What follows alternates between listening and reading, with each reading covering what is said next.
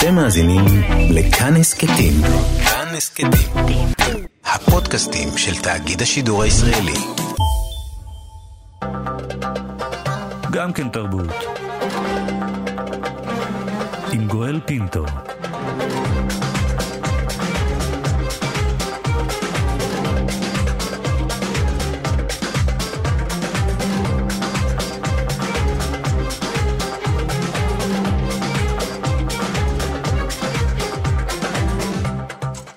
שלום, תודה שבחרתם להאזין לנו. הסכת אה, גם כן תרבות, המיטב מתוך התוכנית היומית שלנו, המשודרת בכל יום ברדיו כאן תרבות, 104.9, 105.3 FM. תהנו. גם כן תרבות, עם גואל פינטו. אמש אה, בקפריסין נעצרה התיירת הבריטית שדיווחה, התלוננה כי צעירים ישראלים אנסו אותה בחשד כי איבדתה את התלונה. אנחנו נדבר על ההשפעה שיש אה, לשקר מתגלגל, על יחסי השוויון בין נשים וגברים בכלל ועל תנועת מיטו בפרט, כאשר מתגלה שקר שכזה. נעשה זאת עם הסופרת איילת גונדר גושן, שבספרה האחרון, השקרנית והעיר, ספר שתורגם לשפות רבות, אפילו נבחר לאחרונה ידי ה-Financial Times כאחד מספרי הקיץ הנבחרים, עסקה בדיוק בנושא הזה. צעירה, נופר, שבודה מעשה הטרדה. אה, איילת גונדר גושן, בוקר טוב, תודה שאת איתי הבוקר. בוקר טוב. מדוע בחרת, אה, כשישבת אה, בחדרך לכתוב את השקרנית והעיר, לשים דווקא זרקור על המקום הזה? זה לכאורה מאוד לא נשי להחליט לשים דווקא את הנקודה של תלונות שווא במרכז הסיפור. השקרנית והעיר מבוסס על אה, סיפור אמיתי שהתרחש בארץ. כשחברה שהיא עורכת דין סנגורית שייצגה בזמנו בחור אריתראי, שהואשם על ידי אה, ישראלית, יהודייה, אזרחית, בניסיון לאונס, והחברה הזאת בעצם הצליחה להוכיח שהבחורה אה, משקרת, שהדבר הזה לא קרה, וכשהיא סיפרה לי את הסיפור, אז היא דיברה על הבחורה שהאשימה, היא אמרה, איזה מפלצת, איזה פסיכופתית, איזה בן אדם עושה דבר כזה. ואני זוכרת שישבתי ושמעתי אותו אומרת את זה, והבנתי למה היא אומרת את זה בתור הסנגורית של מישהו שכמעט הלך לכלא על אונס. ומצד שני אמרתי לעצמי, זה, זה קצת קל מדי, המעבר הזה. מלקרוא לאישה קורבן של אונס, וכולם רוצים לחבק אותה אם היא הקורבן, ללקרוא לה פסיכופתית ומפלצת ברגע שמגלים שזה שקר. זאת אומרת, כאילו הכל, אולי... הכל מהיר מדי. זה כמו שאנחנו ראינו את אותו, את אותו אה, מה, רכבת הרים שכולנו חווינו בשבוע האחרון. לגמרי, אם אתה מסתכל על השבוע האחרון, אז במשך שבוע אומרים לך שהייתה קורבן בריטית אחת ו-12 מפלצות תוצרת ישראל. אתמול זה מתהפך ואומרים לך שיש מפלצת בריטית אחת ו-12 קורבנות יהודים על לא עוול בכפם.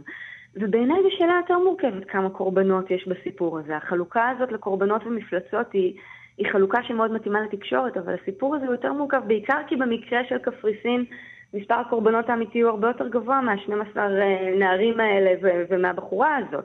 הקורבנות האמיתיים של המקרה בקפריסין זה כל אישה שתבוא מחר בבוקר להתלונן ופתאום לא יאמינו לה. שזה בדיוק, ש... שזה בדיוק הנקודה שאנחנו רוצים רגע לשים על השולחן. כשאת כתבת את הספר, השקרנית והעיר, וכמו שציינתי, גם יצא בעברית, אבל ראה עולם אה, תרגומים רבים בשפות אה, רבות, היו שהאשימו אותך למה את שמה דווקא את זה בלב הסיפור שלך? האם את בוגדת במגדר שלך? כן, בהחלט. היה אפילו עיתונאי ישראלי שאמר לי שהוא חושב שהייתי צריכה לחכות עם הפרסום של הספר, כדי שזה לא יהיה באותה שנה של מיטו. אה, כי לכאורה, אם את כותבת רומן על אישה שמשקרת, אז את מחבלת במהפכה של מיטו, כי את מתחברת לסטריאוטיפ הקלאסי של כל הנשים שקרניות, שבעצם רוצות את זה, נקמניות, כל, כל הדברים האלה שאנחנו מדברים על האישה שמעמידה פנים בגלל הרווח המשני שיש בזה. אני חייבת להגיד שאותי האשמה הזאת מאוד קוממה, כי אני חושבת ש... בוא נגיד הפוך, אוקיי? כשנבוקוב כותב ספר על uh, גבר פדופיל, האם הוא רומז לרגע שכל הגברים הם פדופילים, או שהוא מספר סיפור פרטיקולרי? כשדוסטויבסקי כותב את החטא ועונשו, האם אנחנו חושבים שכל הגברים הם רוצחים? לא, אבל כשאת כותבת רומן על המקרה הנדיר, הבלתי שכיח ולכן גם המעניין, של אישה שבודה אונס, ישר יהיה מי שיגיד, ראית אחת, ראית את כולנו. כלומר, אם אישה אחת בדתה אונס, אז בטח הסטטיסטיקה היא שרוב הנשים בודות אונס. כשהסטטיסטיקה האמיתית היא שיש הרבה יותר נשים שחוות פגיעה מינית שלא קורה איתה כלום אחר כך, מאשר גברים שטופלים עליהם עלילת שווא. אבל זה לב הבעיה של הסיפור שחווינו בשבוע האחרון. אה, קראתי אה, במהלך השעות האחרונות כל מיני תגובות של אנשים שהמסקנה היחידה שהייתה להם מסיפור קפריסין זה בוא נצלם, אה, בוא נעמיד מצלמות, או עד עכשיו להכניס מצלמה ליחסי המין שלך היה ביג נו נו, עכשיו זה ביג יס יס, כי הנה, רק בזכות אותן מצלמות מצלמות הילדים אה, ניצלו מישיבה בכלא. או לחלופין, רק בגלל אותן מצלמות, הבחורה נפגעה עד כדי כך שהיא הלכה ואמרה את זה. אולי הלקח זה אל תצלם בחורה בלי ידיעתה, כי הפגיעה שלה, הרי לפחות ממה שמדווח כרגע, כשהבחורה גילתה שמצלמים אותה בלי, ללא ידיעתה, היא כל כך נפגעה שהיא יצאה החוצה נסערת, ומשם התגלגל הסיפור הזה. אולי הלקח זה אל תשפיל בחורה עד כדי כך שהיא כל כך מעונה שיוצא לה שקל כזה מהפה. וכאשר אה, באמת מעמידים, נגיד, כמו השקרנית והעיר, ובסיפור אמיתי כמו סיפור אה, קפריסין, עד כמה בעינייך זה פוגע באמת בתנועת מיטו?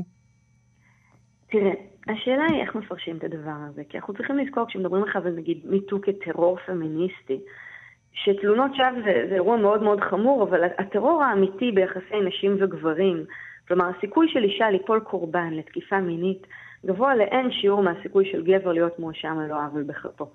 והפגיעה למיטו היא משמעותית אם חס וחלילה הלקח של הסיפור הזה זה שכל הנשים אה, מגישות תלונות ש, שאמינותן אה, מפוקפקת. אולי, לא, אולי, לא כל אנש, אולי לא כל הנשים, אבל אולי אה, גבה קטנטונת תעלה עם כל סיפור שיסופר. כי אחד הדברים שאנחנו רואים מאז לידת אה, אה, תנועת מיטו, המבורכת כמובן, זה איזשהו משפט אה, שאני מודה, גם בשיחות שקיימתי כאן בתוכנית, וגם עם עצמי כמובן, משפט שאף פעם לא באמת הבנתי, אולי זה בגלל שאני גבר, אולי זה בגלל שאני גבר הומו. I believe you, אני, אני מאמינה לך. מה זה אומר? אתה יודע, אני כפסיכולוגית רואה הבדל מאוד גדול בין אני מאמינה לך ברמה הנפשית, לסבל שחווית, ובין אני מאמינה לך ברמה המשפטית. ואולי ההבדל הזה בין הסובייקטיבי והנפשי, שעם סבל נפשי אני לא חושבת שאפשר להתווכח, ובין המשפטי, שכאן יש דברים שנעשו ויש דברים שלא נעשו, הטשטוש הזה הוא חלק מהבלבול. אני חושבת שאפשר להילחם בתרבות האונס ובו זמנית להילחם ב fake news. כלומר שהמהפכה של MeToo יכולה להתבצע בצורה שהיא אחראית והגונה, ויש בה כבוד גם לשאלה מה באמת קרה אבל, בפועל. אבל האם זה באמת אחראי והגון לומר לכל מי שיוצאת עם סיפור עלום ברשתות החברתיות מיד לשלוח לאלפי תגובות I believe you? אז אני אומרת שוב, בעיניי ההבדל בין I believe you ברמה הנפשית ובין אני מאמינה לך שמה שקרה קרה במציאות, אני לא אומרת לאף אחד באופן אוטומטי שאני יודעת מה קרה במציאות. אני חושבת שצריך קצת צניעות ביחס לדברים האלה. אני חושבת שבמשך שנים התגובה האוטומטית של החברה למישהי שמתלוננת הייתה אולי רצית את זה, אולי ביקשת את זה, אולי חיפשת את זה, ושהיה צריך הרבה דם ובדיקות DNA ודמעות כדי להתחיל לשנות את התפיסה החברתית הזאת ביחס לאונס, כמשהו שקודם כל בטח יתרחש רק בראש של האישה או באשמתה של האישה. ובמובן הזה ילדה שתיוולד היום, ב- ביולי 2019, אולי תזכה לחיות בבגרותה בעולם נורמלי יותר מהעולם שבו אני גדלתי, שבו כשאישה התלוננה, קודם כל שאלו אותה מה לבש. Mm-hmm. ובמובן הזה מה שקרה עכשיו בקפריסין הופך את העולם למקום פחות בטוח לילדה שנולדה היום, כי הוא אני... באמת מסית את המטוטלת שוב. אני, אני אומר עד כמה המקום הזה לא בטוח, או לחילופין, כמה, התבל... כמה, כמה אנשים התבלבלו, נדמה שאנשים התבלבלו מכל הסיפור הזה. אני רוצה להשמיע בבקשה את דבריו של אה, אחד הצעירים שהיה שם אה, במעצר בעת הגיעו לכאן לישראל. ידעתי שזה מה שיקרה, ידעתי. שמה? שמה? שהאמת תצא לאור. האמנת כל הדרך למרות שהיו חקירות קשות וכל מה שעברת? אני ידעתי שאני זכאי ואני יוצא מפה. יש משהו סם שבכל זאת מצטערים עליו? לא. על עצם הצילום של הסרטון, ההפצה של הסרטון? לא מצטער על כלום. לא מצטערים על כלום. שם הבלבול, איילת? אני חושבת שאם חבורה של נערים אה, מצלמים מישהי בלי ידיעתה, שזו עבירה פלילית על פי החוק הישראלי, ומפיצים את הדברים האלה וחוזרים לארץ כי אין להם טיפה של חרטה, שאלה מורכבת, אני חוזרת שוב, אם זה עד עכשיו היה 12 מפלצות בקורבן, אחר אומרים זה קורבן ו-12 קורבנות במפלצת, אני, אני לא בטוחה שיש כאן רק מפלצת אחת ו-12 קורבנות, אני חושבת שזה נוח מדי לראות את הסיפור הזה ככה. הרבה יותר מדי נוח לנו לראות את זה ככה, וכשכל כך נוח וכשכולם ככה, אתה יודע, רוקדים במעגלים ומחבקים והגיבורים אה, שבו הביתה, זה תמיד הרגע שאני חושבת ששווה להסתכל שנייה ולשאול. ואולי אה, מילה לסיום במובן אישי, את מצטערת על השקרנית והעיר? לגמרי לא. אני חושבת שמסוכן נורא לחשוב שאין מקרים של תלונות שווא, בדיוק כמו שמסוכן לחשוב שכל התלונות הן תלונות שווא. ברגע שאתה אומר יש סיפור שאסור לספר, זה הסיפור שבעיניי חייבים לכתוב אותו. וכשאומרים לי אסור לכתוב על אישה שממציאה, כי זה אומר שכל הנשים ממציאות, זה, אמירה שכשלעצמה שוביניסטית.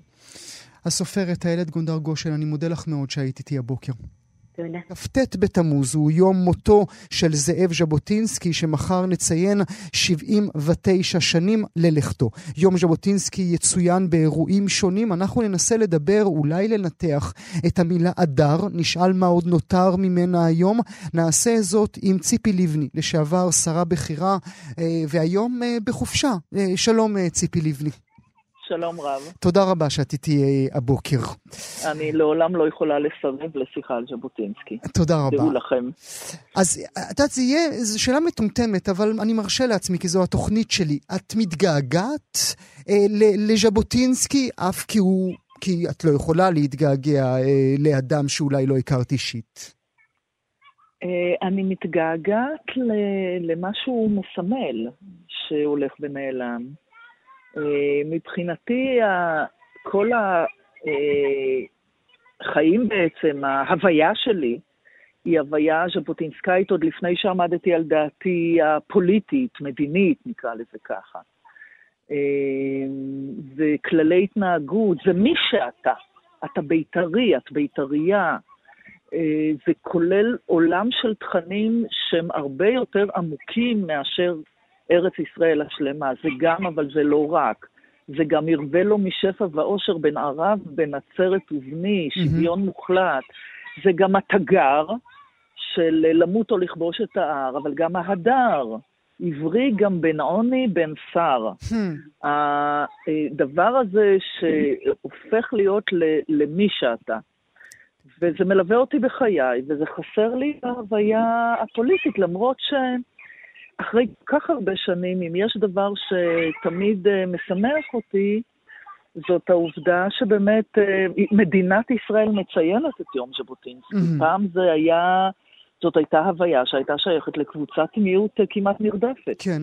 אז זה לפחות איזה ככה אירוע. העובדה שאנחנו מדברים ברדיו הממלכתי על ז'בוטינסקי, יש בה הרבה מאוד נחמה מבחינתי. מה זה הדר?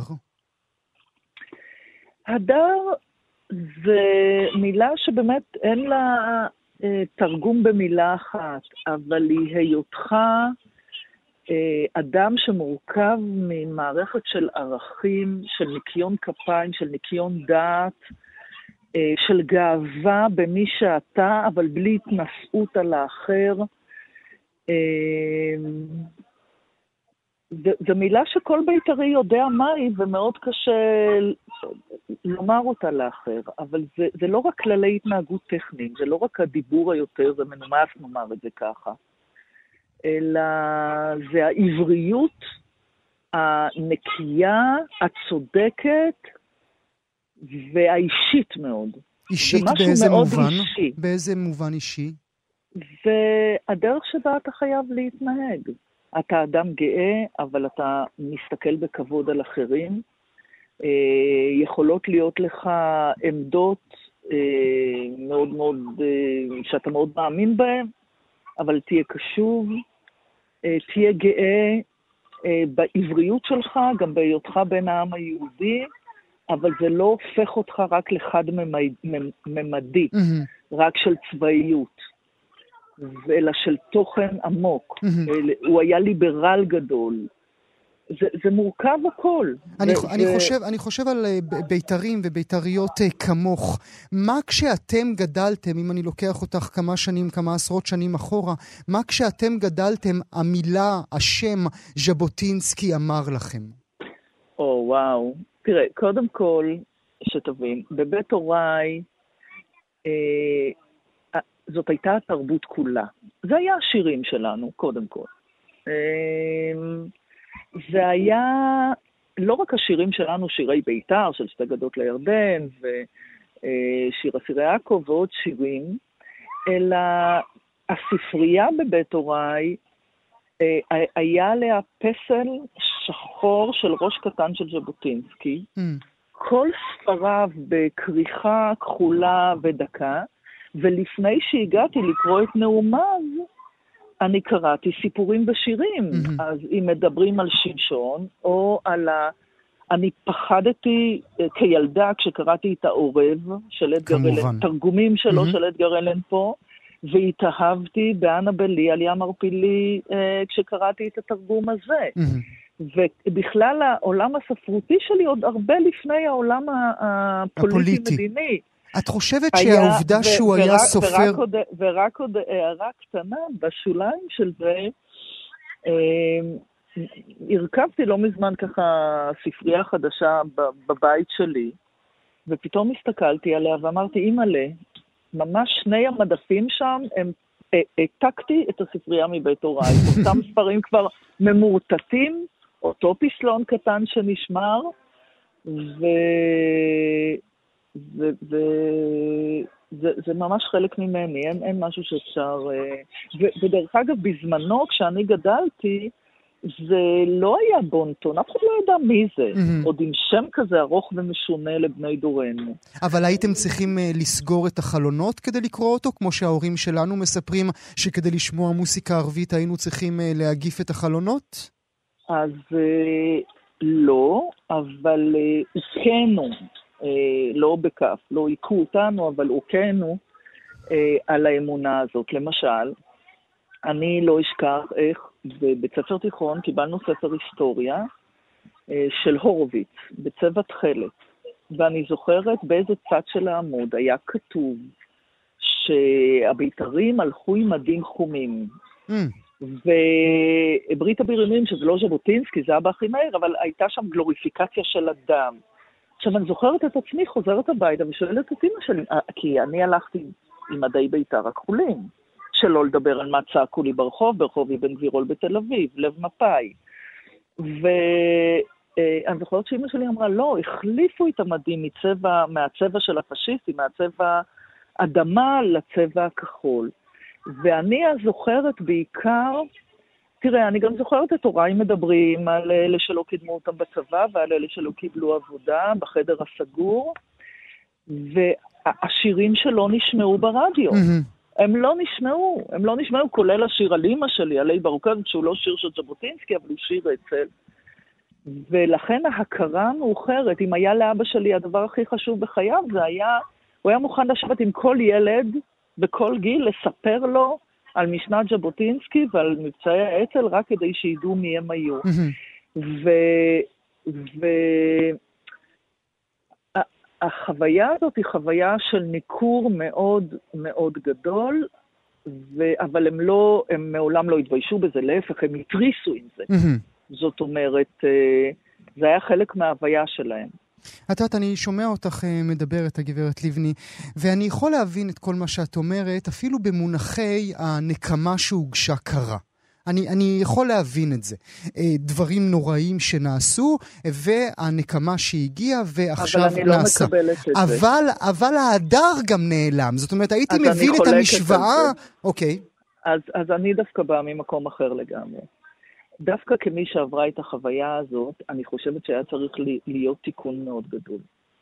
דרך אגב, באותו הקשר, מאחר ואתה מספר על uh, הוריך ועל המוזיקה הערבית, אנחנו גדלנו בביתר באמת עם בני השכונות. זאת אומרת, אני חייתי חיים כפולים, הייתי בצופים עם הביטלס והלכתי לביתר עם הדרבוקות. Hmm. ולכן התיקון שהיה לימים, אה, התרבותי, והלגיטימיות למוזיקת בית אבא, מה שאנחנו קוראים, או בכלל, היא דבר מאוד נכון. הדבר שאני לא מקבלת, והוא מכעיס אותי נורא, זה העובדה שמי שמתיימר להמשיך דרכו, וגם בעיניי לא ממשיך את דרכו, אה, עושה לאחרים את מה שעשו לו, מייצר חוסר לגיטימיות לדעות שונות. אתם שידעתם איך זה מרגיש, מה ששנוא עליך אל תעשה לחברך, ופוליטית יש כאן ניצול איום ונורא של מצוקה אמיתית שהייתה, שתוקנה, שרוצים לשמר אותה ולהחזיר אותה באבוע. וזה דבר שהוא מכעיס אותי, כי זה ההפך מכל, מה, מכל ההדר ומכל התפיסה של קבלת האחר. ולכן דווקא אנחנו שסבלנו מעולם הדימויים, לא צריכים להדביק דימויים לאחרים. ובאופן אבסורדי, שאני חושבת על חיי, אז כשהייתי קטנה, הייתי שייכת למיעוט שהוכה על רקע עמדותיו, אה, ועכשיו, בבגרותי, אני מוצאת את עצמי בסיטואציה דומה, שמי שהיה מיעוט הפך לרוב ועושה אותו דבר לעמדות שלי, ובעיניי עמדותיי גם היום מייצגות בדיוק את השילוב של ז'בוטינסקי, גם של הדר וגם של תגר, גם של אה, שתי גדות, אבל גם של שוויון וזכויות מיעוט. וכל הדברים היפים שנעלמים מחיינו. כי מילא יעשו את זה לשמאל, אבל עושים את זה גם לאחת מהם, לאחת הנסיכות, לא פחות. לא, לא, לא אני, לא מילא. תמחוק, אני, תמחוק את המילה מילא. קודם כל, אני מבינה למה אני יכולה להרגיז יותר, דווקא מתוך זה שאני מצטטת להם בתשובה את ז'בוטינסקי. לא יכולים להפיל אותי בז'בוטינסקי. אני לא בטוחה שחלקם יודעים במה מדובר. ואני מרגישה מאוד שלמה עם תפיסתו, דרך אגב, גם הלאומית, היותר חילונית, הפחות, הפמיניסטית נורא. תקשיב, מדובר על אדם שבשנת, נדמה לי, 29, כתב שהוא לא ישלם מיסים לוועד העיר ירושלים כי אין נשים בהנהגה. אבל uh, אני גם לא, מק, לא מקובל עליי שיעשו את זה למישהו. יש עמדות שונות, יש עמדות של שמאל, אין בעיה. אפשר, לה... רצוי אפילו להתווכח. ויכוח הוא דבר מפרה. הוא לגיטימי. ייתכן גם שצריך להכריע בין עמדות, להחליט לאיפה לוקחים את המדינה, אבל לייצר חוסר לגיטימציה לעמדות זה דבר בלתי נסבל בעיניי. דווקא מתוך שאני יודעת איך זה מרגיש. מי היום אה, מחברי uh, הימין יודע לצטט כמו שאת יודעת לצטט שורות שלמות מאנבל לי ומדברים אחרים שהוא כתב? אה, מעטים מאוד, נדמה לי שרובם כבר, זאת אומרת, יש בוודאי כאלה שהם ימנים בהשקפת עולמם ומצטטים, אבל לדעתי, אני לא, אני לא בטוחה שנשארו כאלה בכנסת. וזה חשוב אבל שיהיו? אבל בואו לא נעבור לפוליטיקה. מה? זה חשוב שיהיו? אני אגיד לך למה, כי זו השאלה הבאה כן. שלי. האם העובדה שהוא היה סופר, משורר ומתרגם, האם בעינייך... ועיתונא, זה... ועיתונאי ששמר על תקשורת חופשית. האם זה חלק מהכוח הגדול שלו, והאם זה מה שחסר לנו היום, אה, שכבר סופרים אה, מפחדים אפילו להגיד מה שיש להם להגיד? אמ, לא יודעת, לא, לא, לא חשבתי על זה ככה, יכול להיות. אני חושבת שזה בעיקר... אה, שזה מאפיין תפיסה שהיא יותר עמוקה ויותר עם נשמה. וזה מדהים אותי כל פעם מחדש עד כמה אני יכולה היום לקרוא, עזוב, נאום או מאמר כלכלי בכלל, שנכתב בשנות ה-30 ולהגיד, זה רלוונטי גם להיום. וזה חסר, כן, אבל אני חושבת שבפוליטיקה, בדיונים הפוליטיים של היום, חסר העומק שהיה. גם שלו ולא רק. ולא רק. אז אה, כאמור, כ"ט בתמוז, אה, יום אה, מותו של זאב ז'בוטינסקי, מחר 79 שנים ללכתו. ציפי לבני, אני מאוד מודה לך שהיית איתי. תודה. שורר חתן פרס ישראל, טוביה ריבנר, הלך לעולמו והוא בן 95. שוחחנו בתחילת השעה הקודמת עם איש כאן תרבות, המשורר נדב אלפרין, ועם הדוקטור גדעון טיקוצקי. השמענו את קולו של ריבנר עצמו, מקריא משיריו. עכשיו נמצא... נמצא איתנו אה, חברו, רעו, אה, המשורר, המתרגם, העורך, חתן פרס עמיחי, הפרופסור רפי וייכרט. בוקר טוב, תודה שאתה איתנו. בוקר טוב לך. פעם אחרונה שפגשת בו? באירוע מחווה בקרון הספרים, חנות הספרים היפה בקריית טבעון. המוני אדם הגיעו לחלוק כבוד.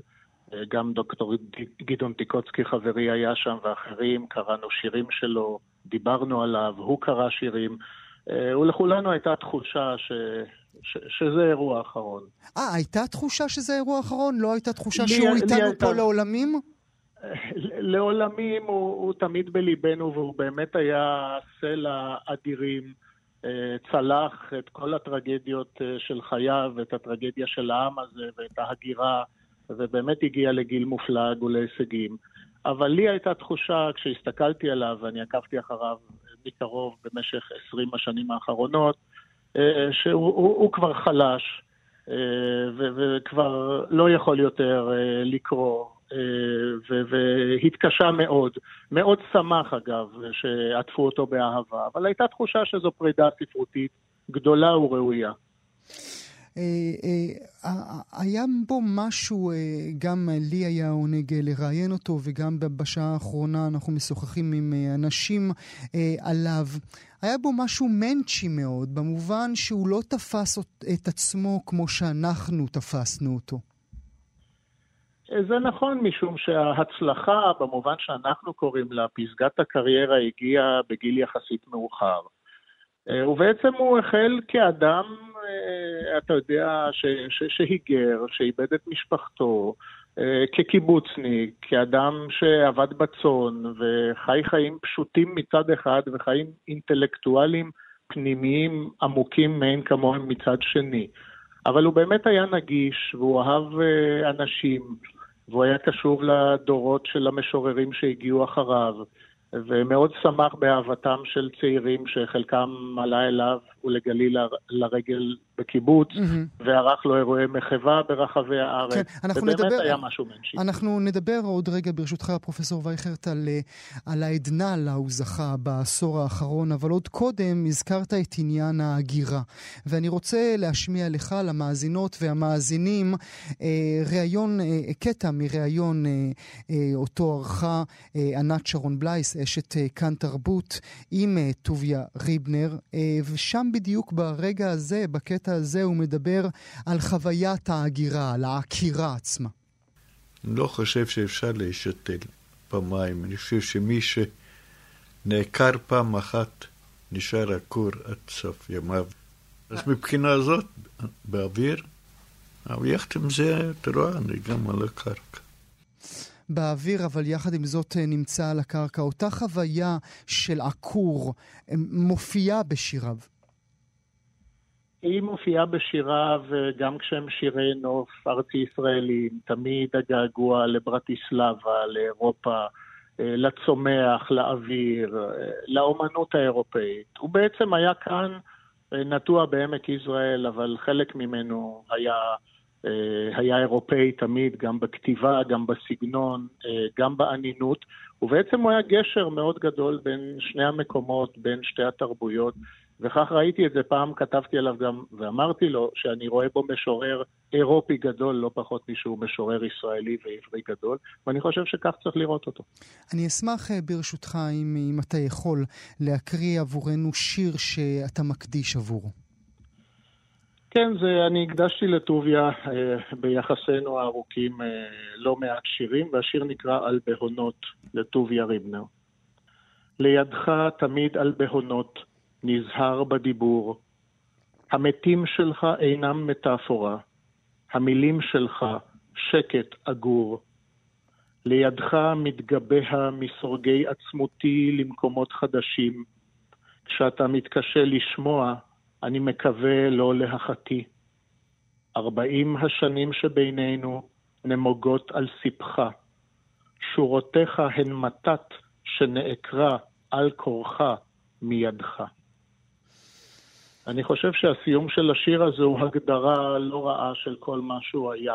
יכול להיות שבהוויה אחרת הוא היה כל מיני דברים אחרים ולא משורר, אבל מה שקרה בחייו, העקירה וההגירה ואובדן המשפחה הגרעינית, ואחרי כן הטרגדיות שפקדו אותו כאן, אשתו הראשונה נספתה, ואחרי כן הבן שנעלם אה, באמריקה הלטינית, אה, דבר שהפך אותו מצד אחד לאיוב מודרני, ומצד שני למשורר מן הגדולים ביותר שהיו ללשון העברית.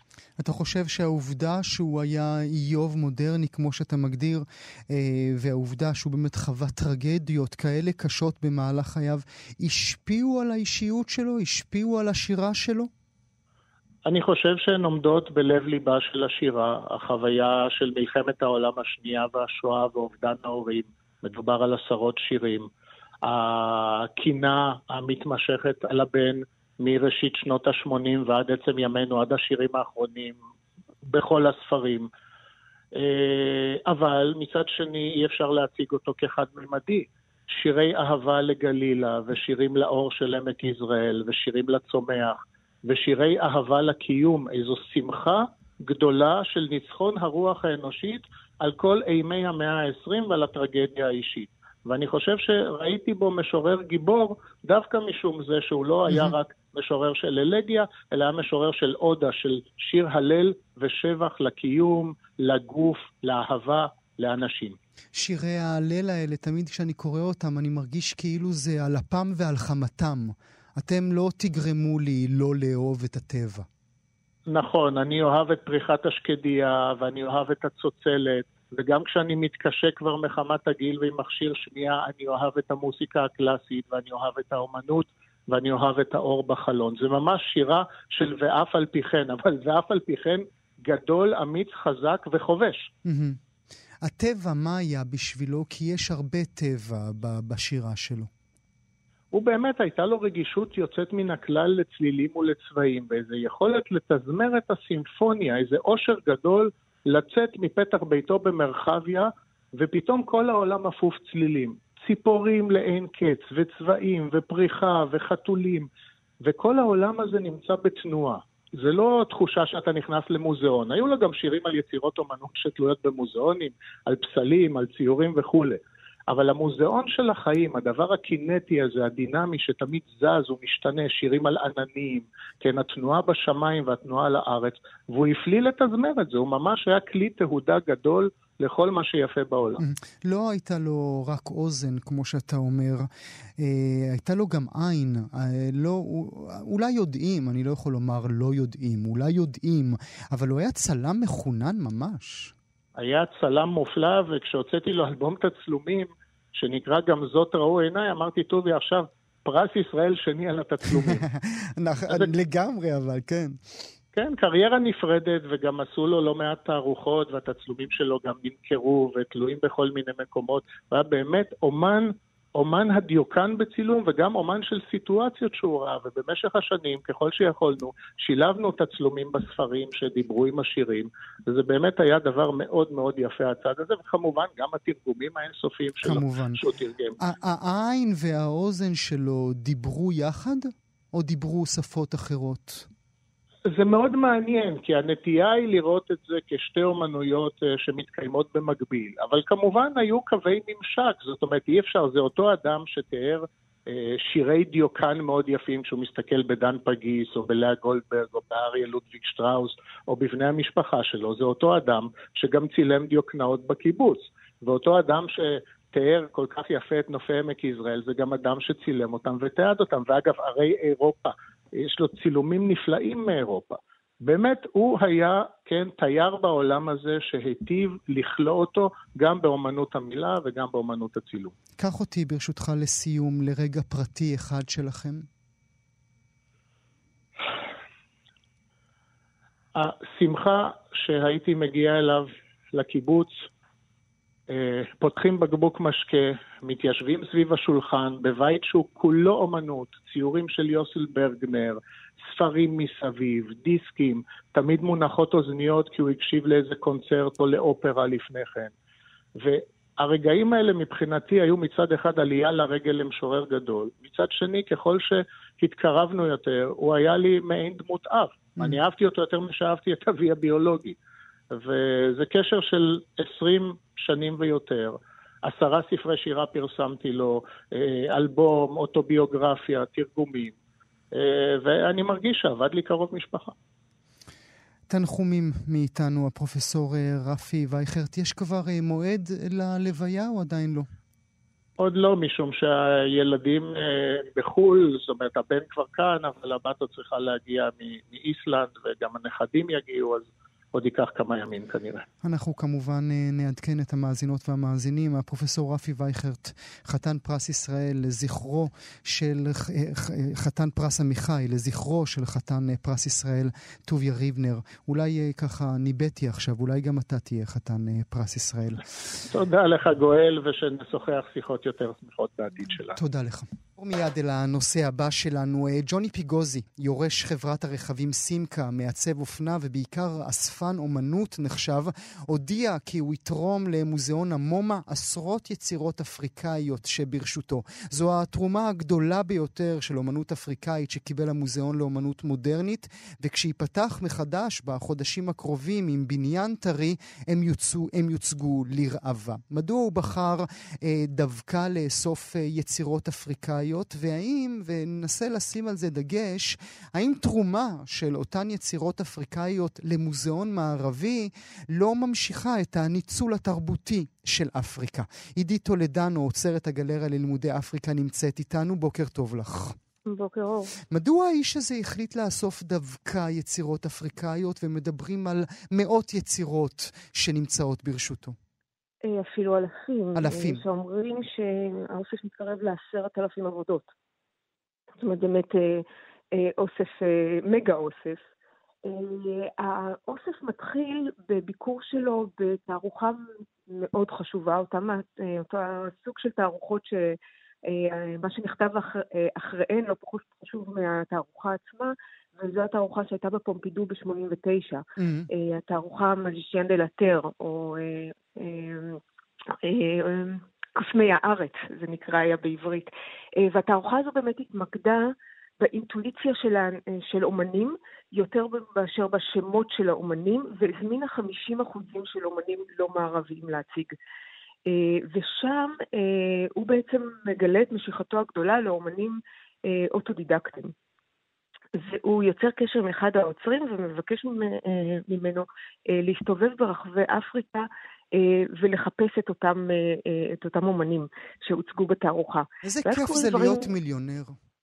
כן. איזה נחמד זה להיות מיליונר, לשלוח מישהו לרחבי העולם שיחפש עבורך אומנות. שלא, ולגלות אותם. ולגלות אותם. זה החשוב.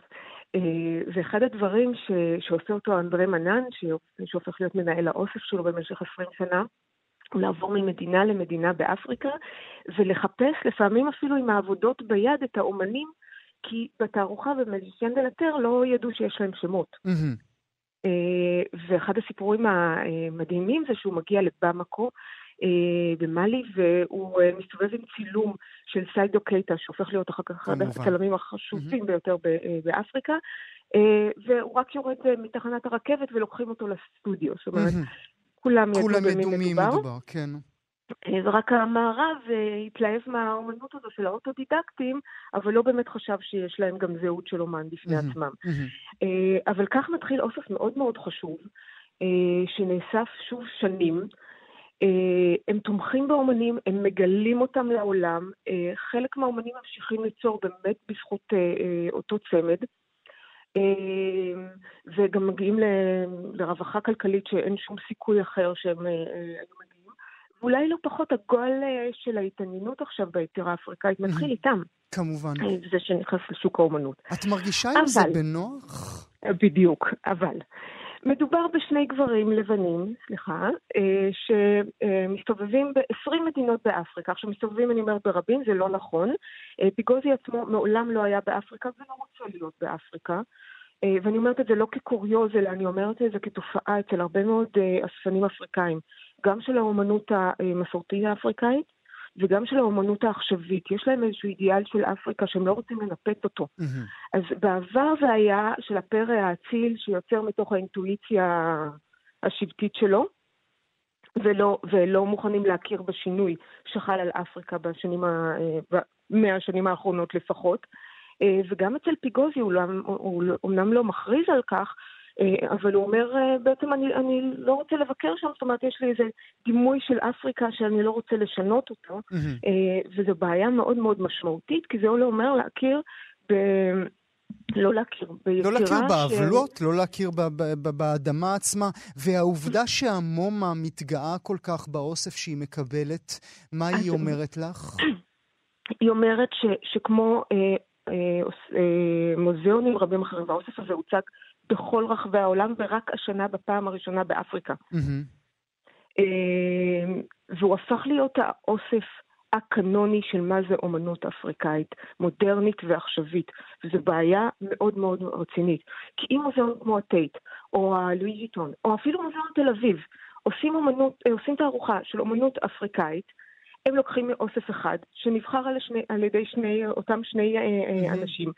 אחד מהם עשה עבודה באמת שיטתית, אבל ב-20 מדינות, לא מתוך, מתוך 20, 54 מדינות אפריקאיות. Mm-hmm. זאת אומרת, יש פה מישהו שקבע מה זה אומנות אפריקאית, מי זה אומן אפריקאי, מה ראוי לייצג, מי, מי צריך להיכנס לשוק האומנות, ובעצם המומה בזה שהוא באמת לוקח אוסף מאוד מאוד חשוב, אבל הוא בעצם אה, מגביל את ההבנה שלו של מה זה יצירה אפריקאית, ולא נותן לאפריקאים עצמם להחליט מה זו המונות אפריקאית עכשווית עבורם. ושוב, אותו... שלא לדבר, על זה שמין, שלא לדבר על זה שמין אוסף שכזה שלא מגיע לאפריקה. לגמרי. אם, אם אתה כבר רוצה לתרום את האוסף, אנא, תרום אותו לאחד המוזיאונים שם. נכון, והתשובה המגוחכת שלו הייתה אה, לשאלה של אחד העיתונאים, אה, למה אתה לא פותח בעצם מוזיאון אה, לאומנות עכשווית באפריקה, אז הוא אמר כי הוא לא רוצה, אה, הוא לא רוצה להעליב את שאר המדינות שזה לא יהיה בהן. לא רצה להעליב את שאר 50 המדינות. טוב, אולי גם הלוב נעלב עכשיו, שזה לא אצלו אלא במומה. טוב. נכון. אה, בכל מקרה, זו הזדמנות אה, עבורנו, המערביים, באמת להכיר אה, יצירות אה, חשובות מאוד של יוצרים נכון. באמת חשובים שיצרו אה, במהלך השנים. מילה אולי לסיום, ככה, על צלילי הסיום שלנו. האם בעינייך... אה, ביקור או אם אני צופה, אצפה ביצירות האלה, זה יפתח לי את התיאבון לחפש גם אחרות, או ישאיר כן. אותי בקונכייה הזו שפיגוזי לא. שם אותי בה? אני, אני בטוחה שכן, והצעד המעניין של המומה זה שזה הולך, העבודות האלה ישולבו ב, אה, באוסף הקבוע שלהם, כך שזה יכול אולי ליצור נרטיב מעניין. נקווה. אולי. אה, עידית אה, טולדנו, עוצרת הגלריה ללימודי אפריקה, לעונג, אני מודה לך מאוד שהיית איתי הבוקר. תודה רבה, ויום טוב. והנה אתם...